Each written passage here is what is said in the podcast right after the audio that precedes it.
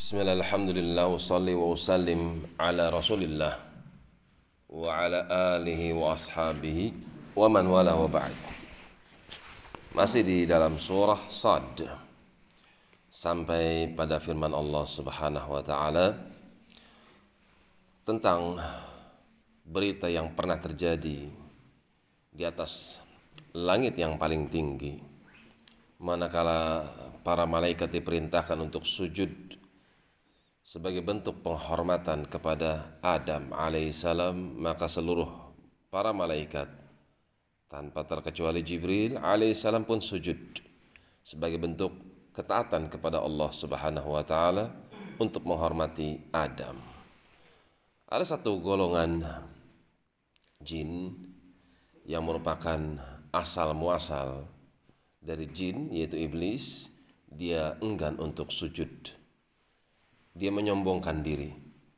Satu bentuk penyombongan diri langsung menjadikan dia kufur. Wa kana minal kafirin.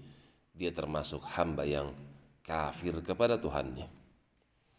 Maka Allah dengan hikmahnya bertanya, Qala ya iblisu, Hai iblis, Ma mana'aka antas juda. Apa yang menghalangimu untuk sujud lima khalaqtu biyadai kepada makhluk yang telah kuciptakan dengan kedua tanganku. Ayat ini menunjukkan akan keutamaan Adam alaihissalam. Adam itu diciptakan, dibentuk langsung dengan tangan Allah subhanahu wa ta'ala. Karena itu para ulama silang pendapat, mana yang lebih tampan, Yusuf atau Adam? Sebagian ulama menguatkan Adam alaihissalam. Di antara buktinya ayat ini dia diciptakan langsung oleh kedua tangan Allah. Yang kedua, nanti pada hari kiamat penduduk surga akan masuk ke dalam surga dengan bentuk Adam, bukan dengan bentuk Yusuf alaihissalam. Maka Adam lebih utama, lebih tampan dibanding dengan Yusuf alaihissalam. Astaghbarta am kunta minal alin Apakah kau menyombongkan diri dari perintahku? Atau kau merasa tinggi hai iblis sehingga kau enggan untuk sujud kepada Adam alaihissalam. Ayat ini memberikan pelajaran buat kita bahwasanya Allah bertanya kepada iblis agar manusia mengetahui. Allah bertanya bukan Allah tidak mengetahui akan tapi Allah Maha tahu atas segala sesuatu.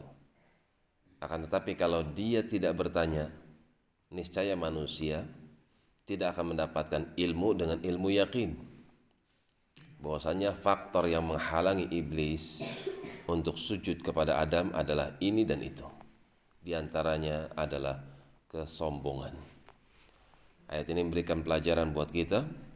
Siapa yang menyombongkan diri daripada perintah Tuhannya, maka dikhawatirkan dia akan menyepelekan perintah-perintah yang lain. Siapa yang meninggalkan perintah Allah, menyepelekan perintah Allah, maka dikhawatirkan dia akan masuk ke dalam golongan orang-orang yang sombong. Kalau sudah masuk ke dalam golongan orang-orang yang sombong, maka dikhawatirkan dia akan masuk ke dalam ucapan Nabi sallallahu alaihi wasallam, la yadkhulul jannah man kana fi qalbihi mithqal dzarratin minal kibr nggak akan masuk surga. Orang yang mati ternyata dia masih menyimpan di dalam dadanya berupa sifat kesombongan meskipun kalau diukur seperti semut hitam yang paling kecil. Sekecil apa pun kesombongan, maka itu akan membahayakan bagi para pelakunya. Demikian wallahu taala alam bisawab.